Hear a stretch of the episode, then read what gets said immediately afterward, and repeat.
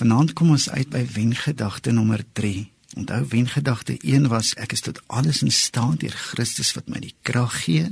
Wengedagte nommer 2 was dat God het my onvoorwaardelik lief en vanaand staan ons stil by wengedagte nommer 3 wat sê ek sal nie in vrees lewe nie. Dit moet jy 7 keer vanaand vir jouself oorsê nog voordat jy gaan slaap.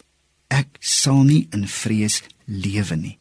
Paulus sê vir Timoteus in 2 Timoteus 1 vanaf vers 7 want God het ons nie 'n gees van vreesagtigheid gegee nie maar van krag en liefde en selfbeheersing. 'n Ander woord vir vreesagtigheid is ook lafhartigheid. God het ons nie 'n gees gegee van lafhartigheid nie, maar van krag en liefde en selfbeheersing. Kom ek vra jou 'n vraag. Waarvan getuig jou lewe? Vol vrees of is jou lewe vol van geloof? Onthou vrees is meer as net 'n emosie. Vrees is 'n verskriklike ding want jy sien vrees bring mee dat jy huiwerig is om nuwe goed aan te pak. Kom ek vertel jou die storieetjie van Charles Bodek. Hierdie man was baie lief vir jag. Maar hy het in 1988 vasgeglo dat hy en sy vrou 'n sekere gevaarlike siekte opgetel het vanweë hulle jagekspedisies. En hierdie Charles Bodek het geglo 'n bosluis het hom gebyt en hy gaan binnekort sterf. Nou Charles het verskeie kere na dokters toe gegaan en elke dokter het bevestig dat Charles nie aan hierdie gevreesde siekte ly nie. Maar Charles Bodek wou dit nie glo nie.